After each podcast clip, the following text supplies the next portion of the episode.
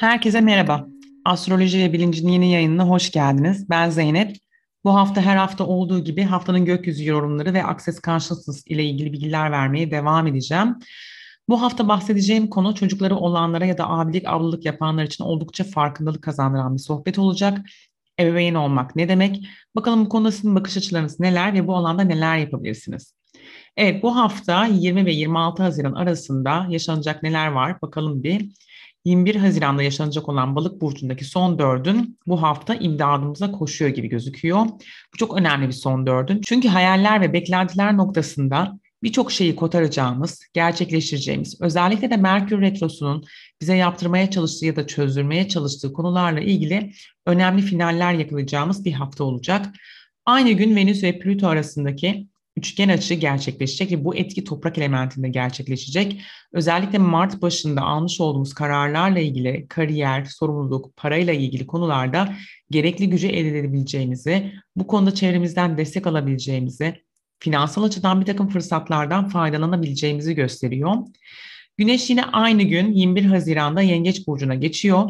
Böylelikle aile, ev, yuva ve gayrimenkul alanında bir takım gelişmeler çok hızlı bir şekilde seyredebilecek bir ay boyunca Güneş Yengeç Burcu'nda kalacak.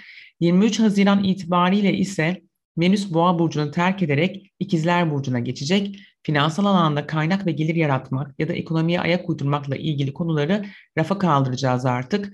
İletişim, ticaret, eğitim, öğretim, sosyalleşmek, bilgi alışverişi ve entelektüel tarafımızı geliştirebileceğimiz ilişkiler yaratmayı seçeceğiz. Bu alanda en önemli konu Merkür'ün ikizler burcuna yaratmış olduğu çabayla alakalı olacak. Özellikle de retro süresince ticaret, alım satım, iletişim, eğitim ve öğretim alanında vermiş olduğumuz çabalar artık Venüs'ün bu alana geçmesiyle bize daha fazla keyif vermeye başlayacak. Daha çok işin eğlenceli tarafıyla uğraşacağız gibi görünüyor. Bu enerji de 18 Temmuz'a kadar devam edecek. Evet gelelim şimdi bu haftanın konusuna. Ebeveyn olmak düşündüğünüzden daha kolay olabilir mi? Ebeveyn olmak ne demek? Bu konuyla ilgili beklentileriniz ve tahminleriniz neler?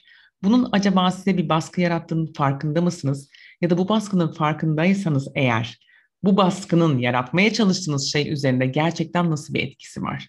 Acaba çocuklarınızla ilgili doğru yapmaya çalışmak sizi yoruyor mu? Şimdi doğru dedik. O zaman şunu da sormak lazım. Sizin doğrunuz ne kadar doğru peki? Ya da sizin doğrunuz aslında ne kadar size ait? Kafanız yanmasın ama kendi aileniz içinde öğrendiklerinizi doğal olarak size göre en doğru olarak saymanız mümkün tabii. Bazıları ise yanlış bulabilir bunu. Yanlış kabul etse bile ailesindeki şeyleri yargıdan işlediği için istemeden de olsa yargıladığı ebeveynine benzer bir ebeveynlik yaratabilir. Siz ebeveyn olarak kim kopyalıyorsunuz? Bundan memnun musunuz? Bu soruları kendinize sorun bakalım. Gelelim şu doğru hikayesine. Doğru yapmaya çalışmaktan ne kadar vazgeçebilirsiniz peki? Çocuklarınız için ne istediğine odaklanırsınız. Bu çok normal görünebilir. Ama asıl soru onlar kendileri için neyi seçmek isterler? Bunu hiç sordunuz mu onlara? Peki bir ebeveyn olarak sizin için bu noktada başka hangi olanaklar var? Artık bir şeyleri mış gibi yapmaktan vazgeçseniz mesela gerçekten neler olur çocuğunuzla ilgili? Gerçekten onun için ne gerekli? Ya da eğer ergen bir çocuğunuz varsa mesela ebeveyn olmak bir mücadele olmak zorunda olmasa çocuklarınızla nasıl farklı bir ilişki kurabilirsiniz? Tabii ki burada şunu da sormak lazım. Çocuklarınızla olan ilişkinizde projeksiyonların, beklentilerin, ayrımların, reddedilmelerin ve yargıların sizi nasıl etkilediği ve olasılıkları nasıl sınırladığı hakkında bilgi sahibi olmalısınız. Yansıtma, ayrımcılık, beklenti, yargılama ve reddetme tüm bunları yaptığımızda farkında olmak yerine haklı olmaya çalışırsınız. Mesela önce buradan başlayalım birinin veya bir şeyin belirli bir şekilde davranması veya çalışması gerektiğine dair bir projeksiyon veya beklenti içinde olduğunuzda bu olmazsa reddetmeniz veya yargıya varmanız gerekir. Hele ki burada tüm bu konular çocuğu belli bir konseptin içine sokmak ve ona şekil vermek uğruna ise. Çoğu insan yargılamanın aslında yaratıcı bir unsur olduğu görüşünde ancak bu hiç de öyle değil. Aslında enerjiyi çok daraltan ve genişlemeye asla yardımcı olmayan bir etkiden bahsediyoruz. Yani çocuğunuzla olan iletişim, onu yargılamaktan ibaret ise bu sizin onunla olan ilişkisinde hiçbir şey yaratmaz. Çocuklar burada aile içinde kendini nasıl güçlü ve özgüvenli hisseder buna odaklanmak lazım. Hele ki bu kadar yargı verken bunu nasıl yapabilir? Anne, baba, teyze, amca, dayı, kardeşler, akrabalar bunların tüm arasında siz bir ebeveyn olarak nasıl bir kopyalama eğilimi olduğunuzu hiç fark ettiniz mi? Aileyle ilgili referans noktaları pek değişmez. Buna emin olabilirsiniz. Şimdi bir aileye doğuyorsunuz maalesef ki kim olabileceğiniz ve nasıl olabileceğiniz konusunda her türlü referans bu alanda. Onlar kadar olabilirsiniz. Bilinçli farkındalıkla daha fazlasını yaratabilirsiniz. Bu kadar yargının içinde kişinin sürekli haklı çıkmaya çalışması aslında son derece normal bir eğilim olabilir ama bu durumun kişinin kim olduğu konusunda bunu ispatlamak için ekstra efor sarf etmesi anlamına da geldiğini unutmayın. Ebeveynlerin yargılaması iyiymiş gibi gözükürken müthiş zarar veren bir etken olarak karşımıza da çıkabilir. Bir insanın kim olduğu konusunda haklı çıkmak için sürekli mücadele etmesi, burada çocuğunuzdan bahsediyorum. Bu yaptığınız yargıya vereceği tepkiden bahsediyorum. Peki ya kendi bakış açısını sürekli savunmak zorunda kalması? Kulağa hoş gelmiyor değil mi? Yani Peki olanı olduğu gibi kabul etmek ne yaratır? Yargıyı yargıç gibi değil de değerlendirme şeklinde yapmak size ne kazandırır? Bence burada sizden çok çocuğa çok fazla şey kazandırır ama en azından ilişkiye de çok fazla katkısı olur.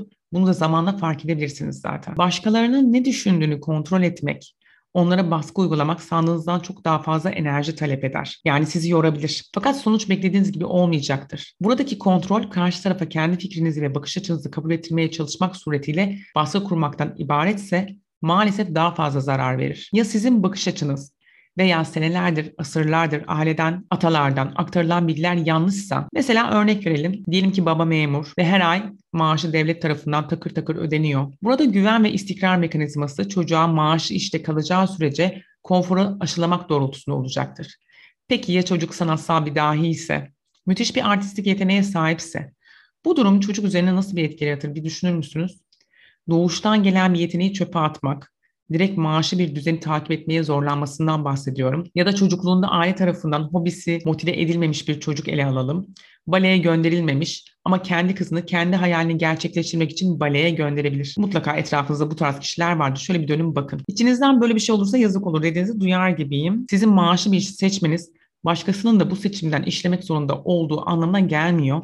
Ya da kendi hobinizi çocuğa zorlamak, bu ve bunun gibi birçok şey hakkında sahip olduğunuz bilginin doğru olduğuna dair tüm savunduğunuz bakış açıları da açıkçası çok kolaylıkla çürütülebilir. Evet belki bir takım uç örnekler vermiş olabilirim ama kimse sanattan para kazanmayacağına dair ne bahse girebilir ne de kalıbını basabilir. Herkes kendi seçimini yaratır. Bunu unutmayın. Çocuklar aslında biliyorsunuz ki bizden daha az bakış açısına sahip. Onlar gerçeği olduğu gibi görürler ve olduğu gibi bakarlar. Ayaklarını bir yere vurup da sinirlenirler. Çünkü değiştirebileceklerini bilirler bunu. Bu durumda size şunu sormak istiyorum. Siz çok değer verdiğiniz çocuğunuzun gerçekten ihtiyaç duyduğu davet ve değişimi nasıl olabilirsiniz? Ya çocuklarınızı güçlendirmek size söylenenden veya size öğretilenden tamamen farklı bir şey ifade ediyorsa, çocuğunuzu güçlendirmek aslında ne anlama geliyor? Bunun için ne yapabilirsiniz? Şimdi bu noktalara değineceğim ama aslında burada öncelikle neyi yapmamanız gerektiğini keşfederseniz yolunuz daha netleşebilir. Birincisi acaba kontrol ne kadar sizde olmalı? Bir ebeveyn ne kadar öğretmen, ne kadar uzman, ne kadar yetişkin olarak kontrol elinde tutmalı? Peki siz çocukken ebeveyniniz sizi kontrol etmeye çalışırken bundan ne kadar hoşlanıyordunuz? Bu sizin hayatınızı kolaylaştırdı mı? Yoksa savaşmak ve isyan etmek mi istediniz? Mesele şu ki Savaşırken ve isyan ederken aslında çıkarımıza en uygun olanı seçemiyoruz. Sadece tepki gösteriyoruz. Ya kontrolü elinde tutan kişi olmak yerine bilinçli olan kişi siz olsaydınız. Bu ne anlama gelir? Birincisi adım atmak, kendi hayatının lideri olmak. Her şeyde en büyük olasılığı aramak ve hiçbir şeyin veya hiç kimsenin, burada sizden bahsediyorum aslında, sınırlamalarına, yanlışlarına veya yargılarına gitmemek demektir. Sizin için neyin işe yaradığını bilme ve bu farkındalığı takip etme istekliliğidir. Hayatınızın lideri olduğunuzda çocukların kendi hayatlarına kendileri olmaları için daveti olursunuz. Dolayısıyla her şeyi kontrol etmeyi bırakabilmeli ve buna gönüllü olmalısınız. İkincisi çocuklara her şeyi öğretmek zorunda mısınız? Çocuklar güya pek bir şey bilmezler. Aslında çocuklar çevrelerinde çok daha fazlasının farkındalar. Çocuklara bildikleri şeyleri alıp kabul etmeyi, sahip oldukları kapasiteyi ve dehalığı görmesini ve aynı zamanda dünyaya yaptıkları katkıyı fark etmesini sağlamanız çok daha fazlasını yaratır. Çocukları bildiklerini kabul etmeye davet etmek demek, bunun hakkında ne biliyorsun gibi sorular sormak kadar basittir. Onlara neyi bilmek istediklerini de sorabilirsiniz. Çocuklara bildikleri hakkında daha fazla soru sormaya istekli olmanız, onların kendilerinin bilemeyeceklerinin ya da katkıda bulunamayacaklarının söylenmesinden daha fazla katkı sağlar. Kendilerini değerli görmelerini sağlar. Bir üçüncüsü, onları dış dünyadan korumak zorunda olduğunuza dair kendinizi ikna ettiğiniz her yer. Bu muhtemelen bir çocuğa yapabileceğiniz en büyük kötülüktür. Tek gerçek güvenlik farkındalıktır. Bir çocuğun farkındalığını arttırmasına nasıl yardımcı olursunuz?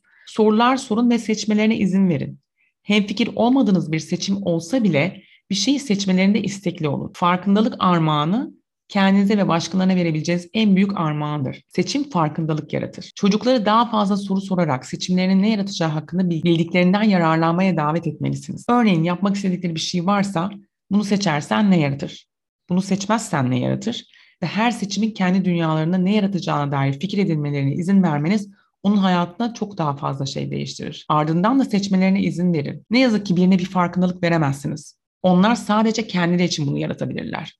Bu yüzden tavsiye vermek, ders vermek, çocukları hatalarından öğrenmeye zorlamak asla ve asla işe yaramaz. Evet şimdi yayını aynı soruyla kapatıyorum. Ya siz çok değer verdiğiniz çocuğunuzun gerçekten ihtiyaç duyduğu davet ve değişim olsaydınız bu ne yaratırdı? Sorun ve enerjiyi takip edin. İyi haftalar. Access Consciousness alanında danışmanlık ve eğitim almak isteyenler zeynepözürk.com'u ziyaret edebilir. Astroloji alanında danışmanlık almak isteyenler ise astrokleros.com'u ziyaret edip form doldurabilirler. Mail üzerinden sizlere randevu tarihlerinizi bildiriyorum. Görüşmek üzere.